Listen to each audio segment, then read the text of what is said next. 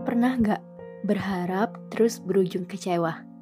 Sampai pada akhirnya sadar bahwa tidak semua perasaan harus terbalaskan. Kamu tahu apa yang paling ikhlas? Menjadi telinga untuk seseorang yang bahkan tidak menyuruh. Menjadi tempat istirahat, lalu kembali meninggalkan dan melanjutkan perjalanan. Senantiasa bersedia ada, padahal bukan kamu yang dia mau. Terkesan bodoh memang, tapi sering kali perasaan gak bisa dihindarkan. Sudah tahu sakit, masih berani-beraninya naruh perasaan pada orang yang salah.